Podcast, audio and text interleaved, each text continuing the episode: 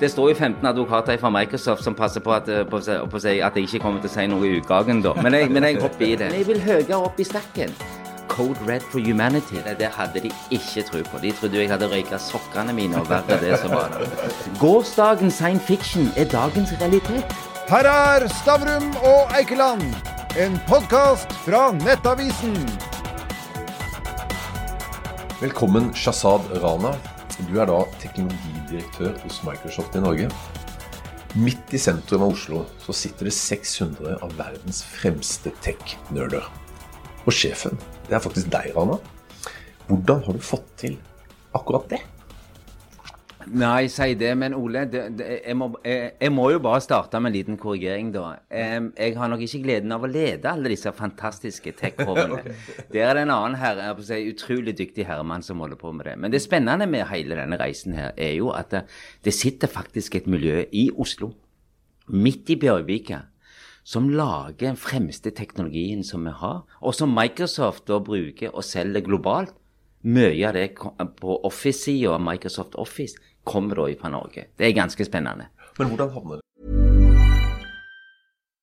What's gravity? When does the grass grow greener? Can people with longer legs jump higher? How are plastic cups made? How filthy are our parents? Which ingredients make the best slime? Why do we dream? Are you faster than a calculator? Could a robot be powered by fruit or vegetables? When children ask why, who knows what will happen? ESB Science Blast, delivered by the RDS, empowers students from 3rd to 6th class to discover the wonder of science by investigating simple questions, wherever their classroom is.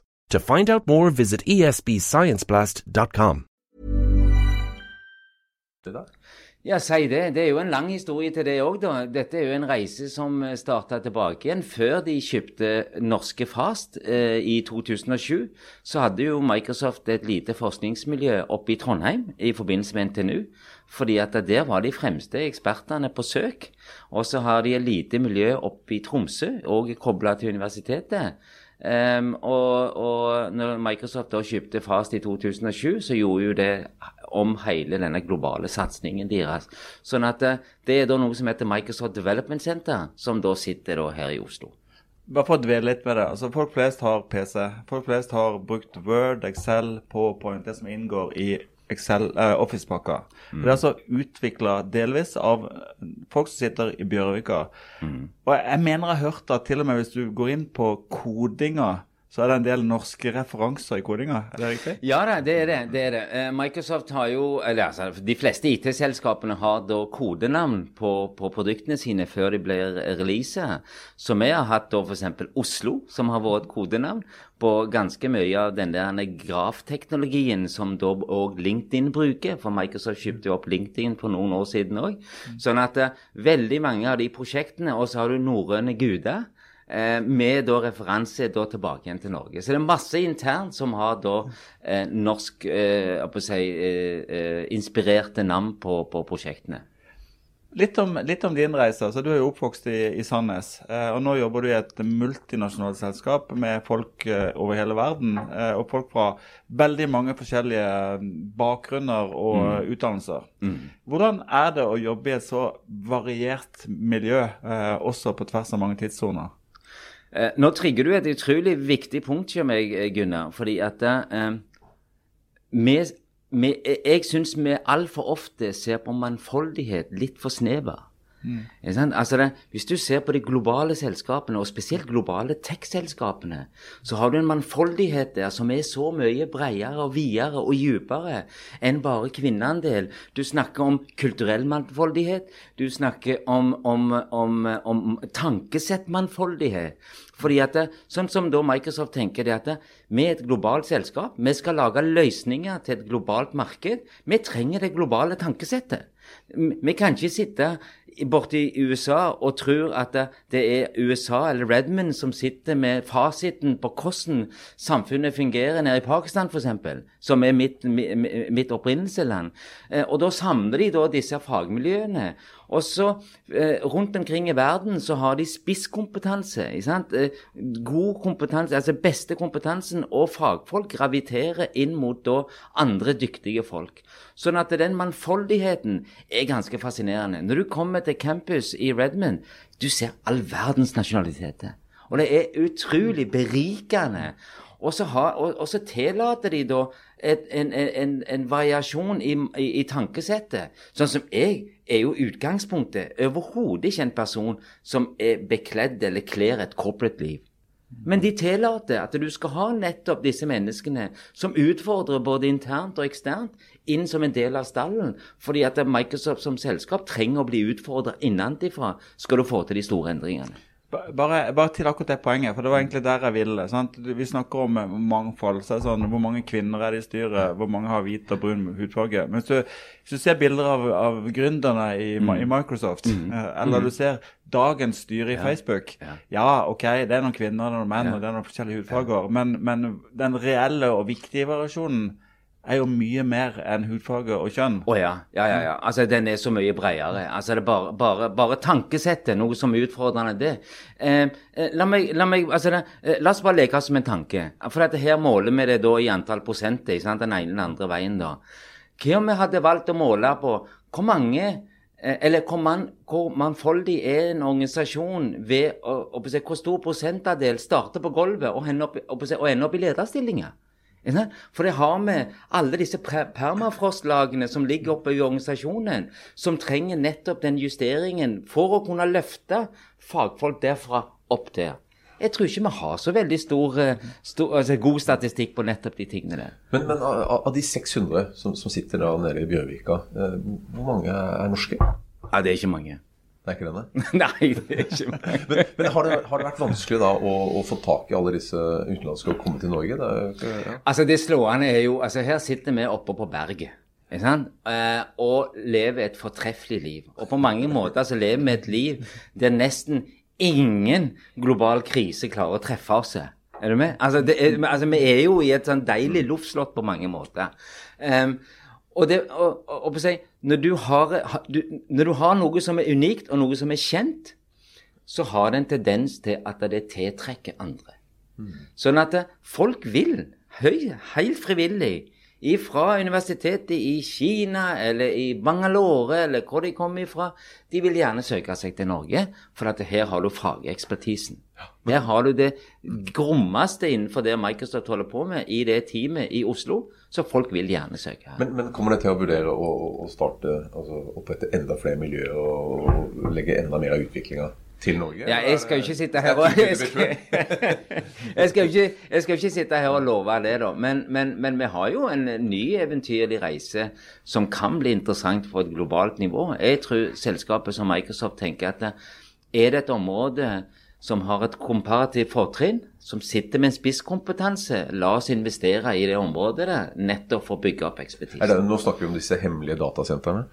Nei, nei altså det var, det var, jo en annen reise, det som, som, jeg hadde gleden av å bli med på. Og det var jo lange prosesser. Vi starta jo initielt sett i 2012.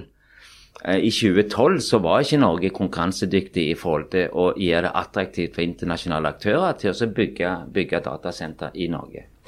Og jeg må bare fortelle en artig liten digresjon oppi det hele. Da Når vi da, altså, da var det jo mange involvert. ikke sant? Det var alt fra Næringsdepartementet, det var Innovasjon Norge, det var Microsoft i Norge. altså mange, For vi, vi satt jo på samme side av bordet. Vi ville jo så gjerne at USA skulle investere og bygge datasenter i Norge. Og så sitter vi da og har da lagd eh, presentasjoner og reiser over. Skal presentere til toppledelsen i Microsoft at dette her er case, kjempe business case og, vann, og, og, det er vannkraft, og det er ditten og, og, det var ikke måte på. Og så sitter det da en amerikaner så sier han at But uh, water is a huge, huge uh, Hva han sa for noe? Altså uh, challenge globally. Han klarte ikke å koble at vann var en ressurs som er vassa i, bokstavelig talt, og ikke var noen utfordringer. Så det endte opp med at vi måtte da fintune budskapet for at ikke legge så mye fokus på vannkraft.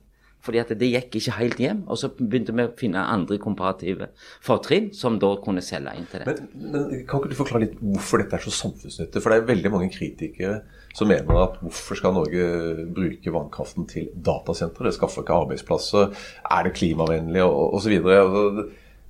Det er mye, mye der, altså, men, men det er klart dere har gode lobbyister i markedet Ja, ja, som er ja, klart ja, ja, ja, dette for Ja. Altså, denne podkasten er jo for liten, men jeg kan starte. Og så kan jeg heller lage såpass stor forvirring at dere velger å invitere meg igjen seinere, da, gutter. Eh, vi starter der. Eh, jo, det er helt riktig. Altså, da, eh, la meg putte det litt i kontekst, Ole.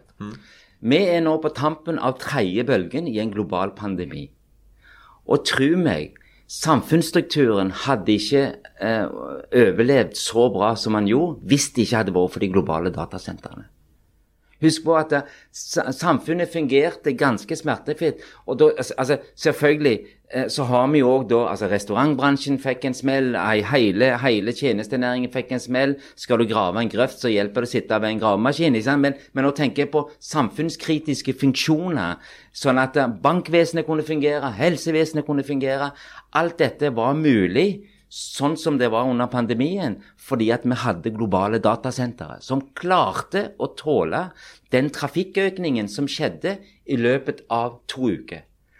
Det, det hadde ikke vært mulig. Så hvis du da ser på altså Måten jeg tenker på, det er at istedenfor vi skal være en ren råvareeksportør eksportør, Ta f.eks. kraft. Altså, vi, vi er sikkert verdensmestere i å eksportere kilowattimer. Men jeg vil høyere opp i stakken.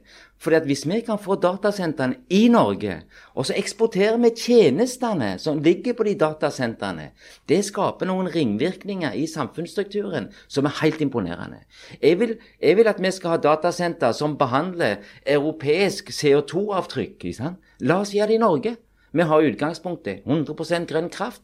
Så eksporterer vi tjenestene via eh, fiberoptikken enn å eksportere kilowattimer ut. Så jeg vil heller at Norge skal bli det nye eh, Irland for alle nye, interessante, innovative, datakraftkrevende tjenester herifra til, til, til å supportere eh, europeisk marked. Men da trenger vi å investere i infrastrukturen vår, fordi at vi trenger enda bedre linjer på de tingene der. Selve byggingen av datasentrene er ikke så ille. Dette her har, har Microsoft gjort hundrevis av ganger. Så den delen er en ren maskinell prosess, bokstavelig talt. Men alt det ringvirkningene vi kan få, bare bygge eh, kompetanse. La oss koble universitetene.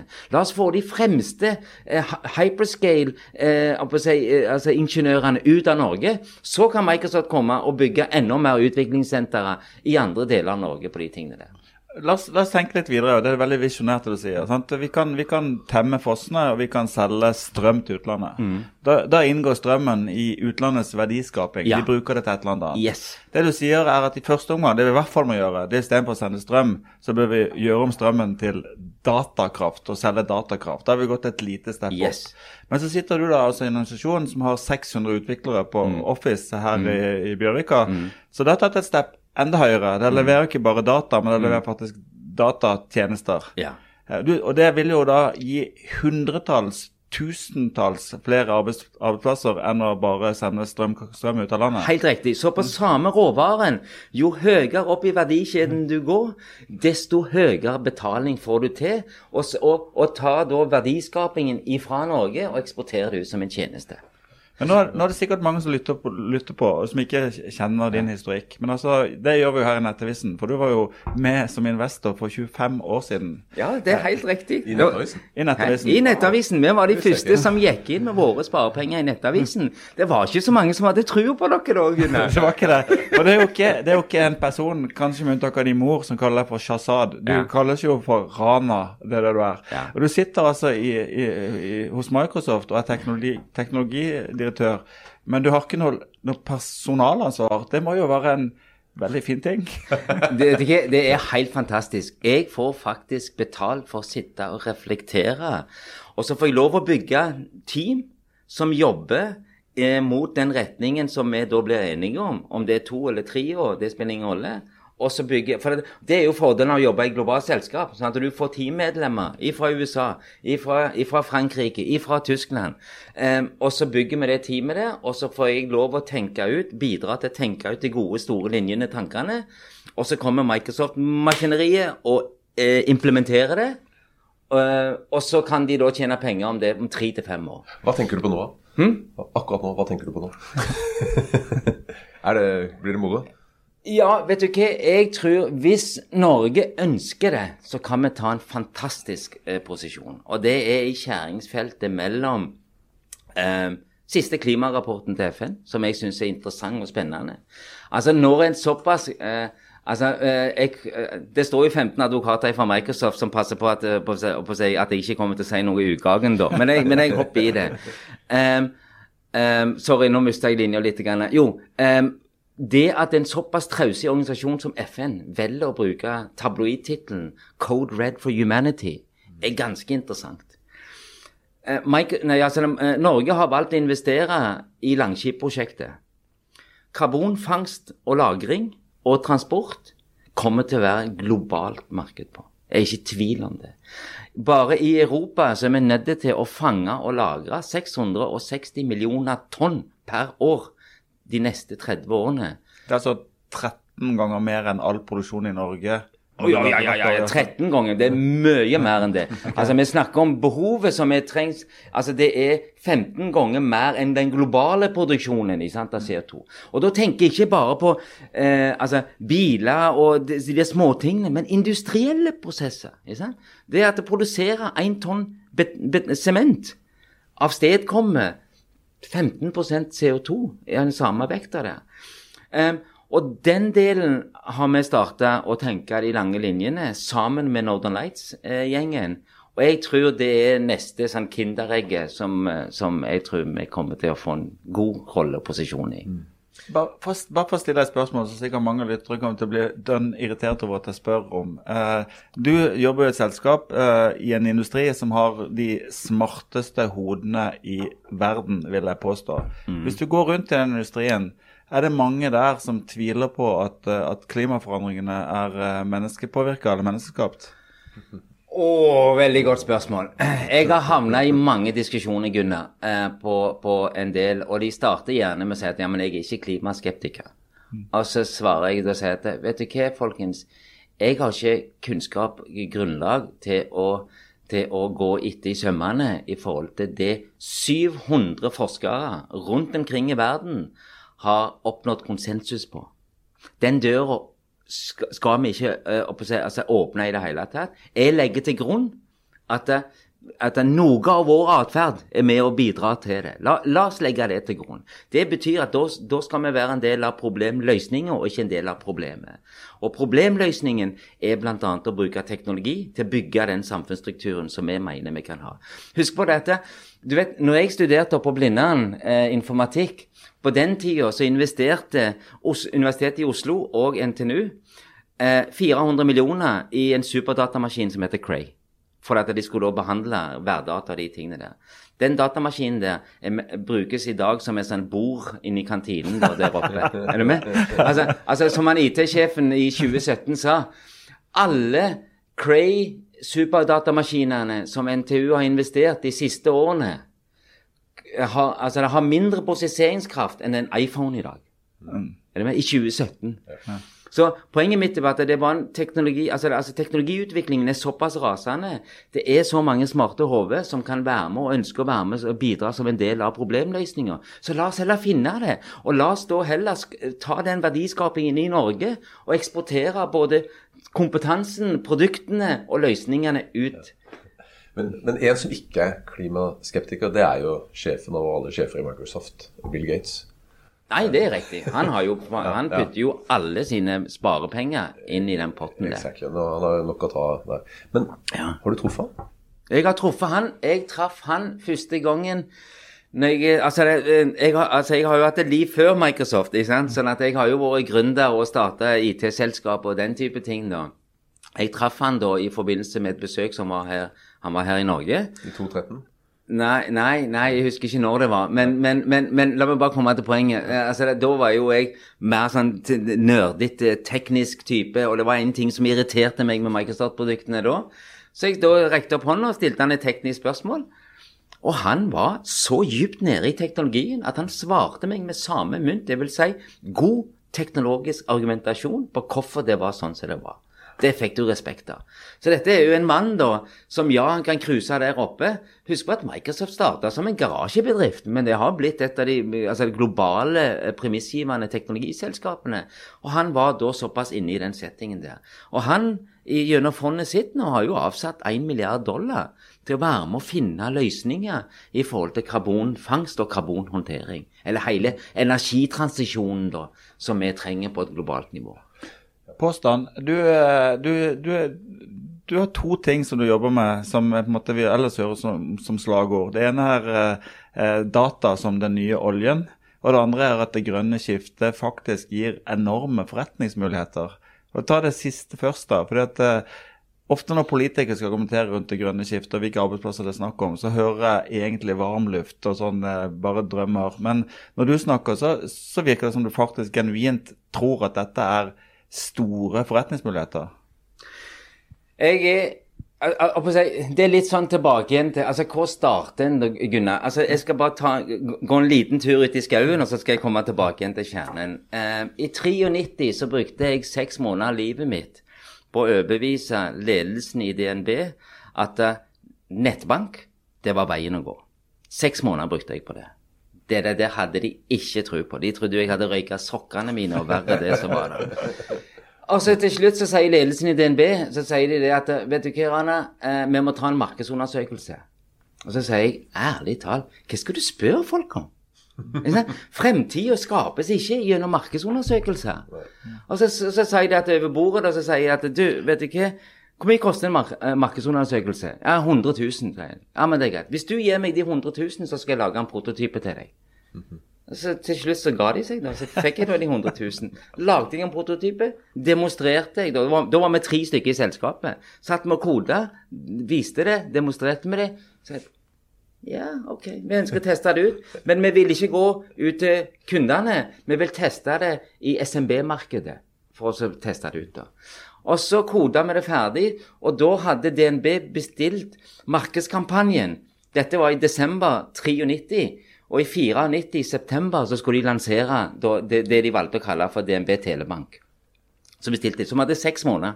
Så de, så de, betalte jo mer i ei helsides annonse i Aftenposten enn hva vi fikk for å kode det. Er du med? Det forandra seg, det. Ja da, ja da, ja da, ja da, det har det. Og så sier jeg ikke det at det, det, var vi som var med og skapte hele denne bank, finanstransaksjonen. Langt ifra.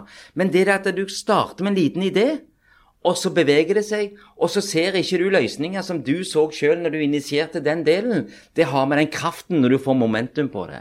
Og hele grønne skiftet, det er veldig mye varmluft. Det er knapt varmluft, det er sånn halvlunka luft. For at folk klarer ikke å ta grepet på det. Folk skjønner ikke hvordan, hvilken rolle kan vi spille. Og så en annen ting også som bare irriterer meg. Vi blir vi tar den der nissehua vårt langt nedover til toseladdene. Fordi at vi tror ikke tenke stort nok.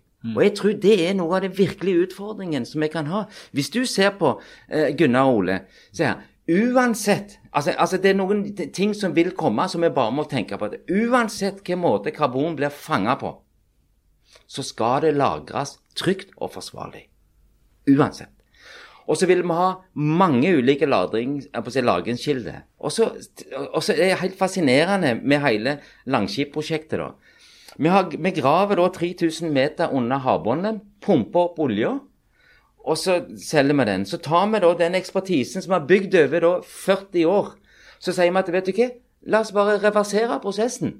Så pumper vi flytende karbon ned 3000 under bakken. I, i, altså i, i en sammensetning i et reservoar der det etter tusenvis av år blir hardt som stein. Den lagringskompetansen, den lagringsteknologien, La oss eksportere den. Nå sitter det 15 andre seiter rundt omkring i Europa og ser på Norge. Hvis ikke vi klarer å dra momentum og eksportere den kompetansen, på lik linje som vi fant noe på 70-tallet, og så fikk vi amerikanerne til å komme og hjelpe oss å få det opp Nå har vi en ekspertise, la oss gå og hjelpe resten av verden, det amerikanerne gjorde med oss på olja. Og de ringvirkningene samfunnsstrukturmessig som det kan få til. Og som en følge av de store prosjektene der, så har vi fått en underskog av gode, unge selskaper som sitter med den type teknologi. Masse. Altså, bare for å ta et eksempel. Karboninfrastrukturen globalt kommer til å være akkurat som et strømnett globalt.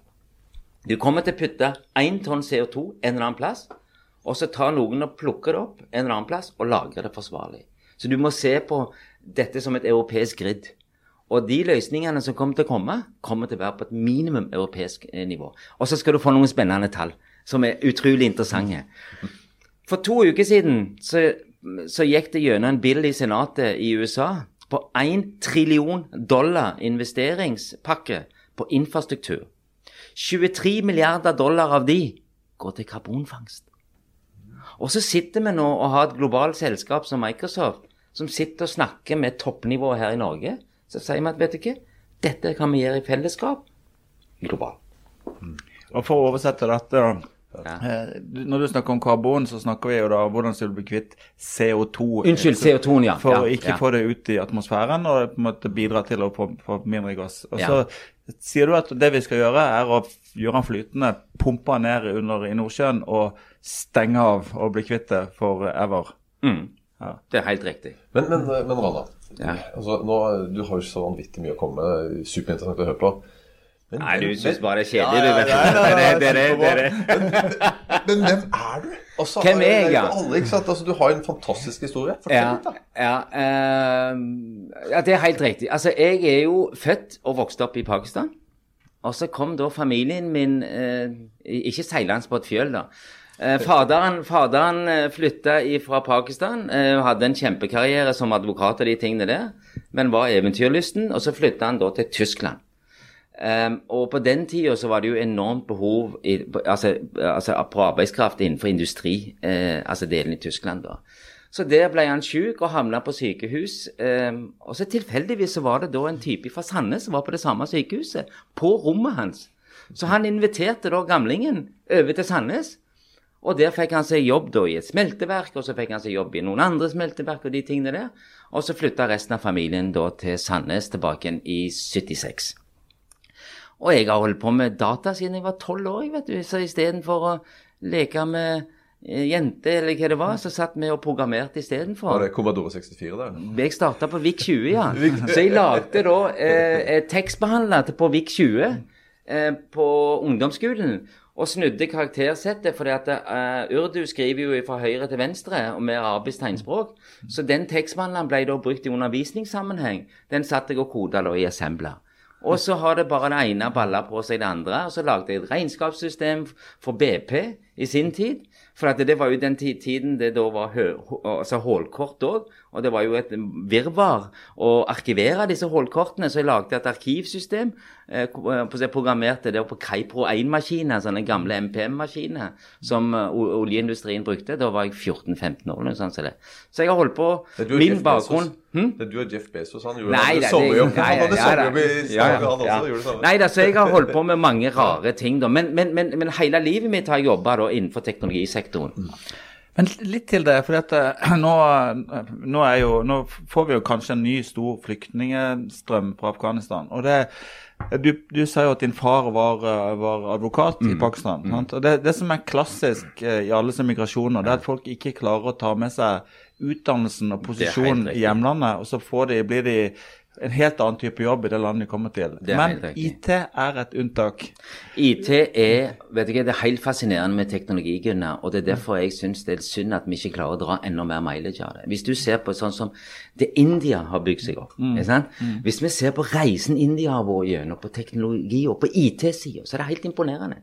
Det de starta med eh, tilbake igjen da på, eh, altså på starten av 90-tallet, det var det at ok, vi har, vi, altså vi utdanner flere ingeniører i året der enn en, en, en hele studentmassen til, til, til England. Da. Det er at vi må finne en måte å kvalitetssikre vår kompetanse på for utlendingene. Og det de gjorde, de var de største kjøperne av ISO-sertifiseringer. For at de måtte få dokumentert kunnskapen sin. da. Etter det så har det bare vært en eventyrlig reise. Du kan ta en hvilken som helst nasjonalitet, kulturell bakgrunn, samme pokkeren. Sitter du med mattekunnskapene, så er det helt universelt. Sitter du med programmeringskunnskapene, så er det helt universelt. Så kan du flytte den spisskompetansen rundt omkring i verden der. Og Det er jo det Microsoft gjør. Det er jo det Google gjør. Det er det Facebook gjør. Og når du ser på de ti mest verdifulle selskapene globalt sett, så er det ett oljeselskap som er nummer to. Det er det Saudi-selskapet. Alle de andre på lista er software-selskap.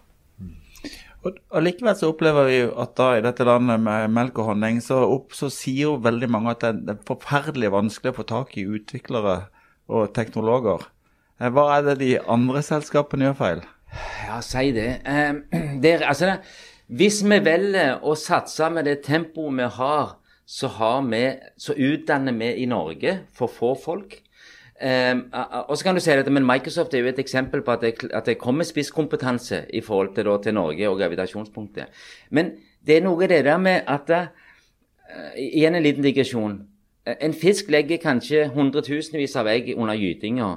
Høna legger ett egg, men klarer å reklamere så veldig eh, brutalt for det med kaklinga si at du klarer da å få større oppmerksomhet. Vi trenger hva skal jeg si for noe, en markedsføringsplan for dette landet her, der vi klarer å få fram hele våre komparative fortrinnskasser. Og den verktøykassen må vi ut og selge, og få bygd nettopp de miljøene. Og så ender vi opp da med å ha litt sånne hva skal jeg si noen noe, snevre diskusjoner på at nei, universitetsnavnet må, må være på norsk og ikke på engelsk. Vi kan ikke ha eh, utdanning på engelsk. ikke sant? Og, og tenker at i det store, lange bildet så blir det for snevert. Jeg er en av de fremste til, al- altså de første til å si at det, Kultur og språk, lokalspråk, norskspråk, er utrolig viktig. Et av prosjektene som jeg var med og fikk, for eksempel fikk, fikk Microsoft til å, til, til å lansere her i, i, i fjor, eller for to år siden, det var jo norsk eh, tale til tekst. For den fantes ikke. Og da fikk vi da satt sammen Nasjonalbiblioteket, Språkrådet, interne ressurser, og så var vi de første til å lansere da tale til tekst på norsk før de andre nordiske landene. Jeg må bare få lov til å Ja, dvele litt på dette punktet. Fordi at i, I gamle dager, håper jeg, for 10-20 år siden, når du skulle lage tale til tekst, så var det jo 100 filologer som satt der Ja. og koda syntaks og sånt. Men eh, i dag er det ikke sånn det foregår. Vil- Vil du høre hvordan det foregår? Jeg vil gjerne høre det. er- Vet ikke, det er helt imponerende. Du blir slått bakover. Nei, det er rett og slett maskinlæring. Det du gjør, du pøser inn. Du må ha et visst sett med data til å kunne mate inn. da. Data her er tale og Tale. skrift. Ja da, ja da. ja da. Du trenger videosekvenser, du trenger trans transpiksjon på det, sånn at datamaskinen skjønner at eh, når stortingstalen snakkes det på denne måten, eh, dialekter, så, så er det det de oversetter det til bokmål, ikke sant? Så du trenger da lyd, lydopptak, du trenger videoopptak i svær kvanta. Og så gir du dette inn i en datamaskin, så sitter den og tygger og koser seg, og finner da et, et, eh, syntaktisk, semantisk, eh, logaritmisk mønster i det. Og så må du bare småjustere den litt. Grann. Hvis den er helt på bærtur, så heter det OK, den veien der, liten korreksjon, inn der. Og så går den og tygger videre. Og det er jo litt den der som vi sliter med. Data som den nye olja, er du med? Datatilgjengeligheten vi har. Helsedata. Se for deg de tjenestene vi kan bygge. For det er én ting Norge har gjort helt riktig i 30 år. Det er det bygging av Altinn, det er bygging av helsedataregistrene. Husk på fortsatt så er vi i unik posisjon med at vi har investert så mye i backbone, digitale løsninger. Men så klarer vi ikke å kapitalisere i sluttleddet. For vi klarer ikke å kommersialisere gode nok produkter. Jeg må bare prøve meg på Ja, en ja, teknisk ok. oversetning. Du kan ta over. Altså, du, du skaffer en haug med videoteiper, lydbåndopptak. Eh, så sender du det til eh, USA for en skyld. Nei, du bør ikke sende det til USA engang. Men du kunne sendt det til USA. ja. Der kunne satt noen folk som ikke hadde idé om Men hva de de har ikke snakker om. Ingen peiling. Nei. Inn i datamaskinen og ut i Ja. andre enden kommer noe som er rimelig bra. Ja. Så må du ha noen nordmenn til å sitte til å høre at de faktisk er riktig Det er helt riktig. Ja. Og, disse, og disse menneskene som da har lagd disse her eh, kodesnuttene, da, de kan ikke et kløyve ord norsk. Det er jo helt fantastisk. Ingenting. Ja, men, Ingen. jo, men er det når du tester ut eh, Det ble litt feil av en Google Translate. Altså, Ja. Den er jo blitt mye bedre enn Ja, det det var for fem år siden. Du, It's a new world. du, jeg skal ta et eksempel. Jeg skulle snakke da med en spansk rørlegger. Han kunne ikke et kløyva ord engelsk, og jeg kan ikke et kløyva ord spansk. Til slutt så ble jeg helt frustrert med å holde på å tegne og forklare sånn. Så jeg sa du, nå går du den sida av huset, og så går jeg den andre sida. Og så ringte jeg han via Skype. Som Microsoft kjøpte opp for noen år siden. Skype har den teknologien i seg. Så jeg snakket da engelsk, og han hørte spansk. Er du med? Altså, jeg pleier å si det at dagens Nei, gårsdagens science fiction er dagens realitet. Vet ikke om dere husker Hitchhiker Guys to the Galaxy? Der var det en liten fisk. Bab, eh, Babelfish, babelfish. ja. babelfish. Så du putta inn i øret, og så kunne den da oversette alle verden, universets uh, språk. da. Og så For noen år siden så ble det lansert et produkt som heter Babelfish, som var nettopp den type ting som det. er. Sånn at du snakker da engelsk med meg, og så oversetter en det til kinesisk. Det er jo fantastisk. Men skal vi ikke tenke ti år fram i tid, da? Ok, eh, Hva skal vi med hva, hva kommer til å skje om ti år? Kommer vi til å ha forskjellige språk? Er språkbarrierer noe vi kommer til å bry oss om om ti år siden? Om ti år, er det andre ting du ser av typen sånn som nettbanken var, som kommer til å fundamentalt forandre oss de ti, de ti neste årene? Al- Altså, dette her er jo utrolig store spørsmål du stiller meg om. Eh, eh, si, eller eh, spør da, Gunnar. Eh, jeg tror det som kommer til å skje Jeg tror jo at eh, internasjonalt sett så tror jeg du kommer til å standardisere deg på visse frankalingua, ikke De store språkene. Og så tror jeg da selvfølgelig du kommer til å dyrke de norske språkene. altså De, denne, de lokale språkene kommer også til å være en eh, si, styrking. Og når du ser på sånn som, sånn som det Microsoft holder på med, så, så er det ganske fascinerende hvor mye penger de er villige til å putte i støtte til nynorsk, f.eks. Sånn at de har da strategi at softwaren skal være tilgjengelig på lokalspråket. Og så, må, og så må jeg da putte en liten digresjon til det. Og så er vi ikke like flinke med å bruke de språkene. Og jeg syns det er ganske krevende å stå overfor Microsoft borte i USA, ledelsen der, og si at vet du hva, jeg syns dere skal bruke ti millioner til for å lage den og den versjonen der på nynorsk, for for Norge er det viktig. Og så kikker de og så sier de, ja, Rane, vet du hvor mange brukere det er på nynorsk i Norge? Og så kikker nei, sier jeg. Ja, Ca. 370. Det er større utbredelse av polsk bruk i Norge enn hva det er nynorsk i Norge. Da er det jævlig motvinds prøve å argumentere på at de skal bruke 10 millioner dollar til. Er du med?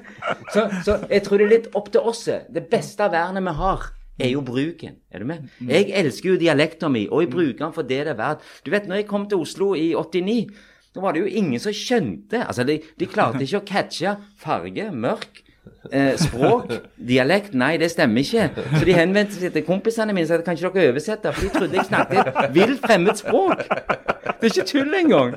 Og dette er bare altså, i 88-89, da. Sånn at vi har en lang vei å gå i forhold til hele vår mentale reisen. Hvor vil vi? Hvilken måte skal vi på? Og jeg tror det starter med en sånn enkel idé, og så tror jeg det er å samle nok gravitasjon, sånn at du får momentum bak, bak, bak prosessen. da.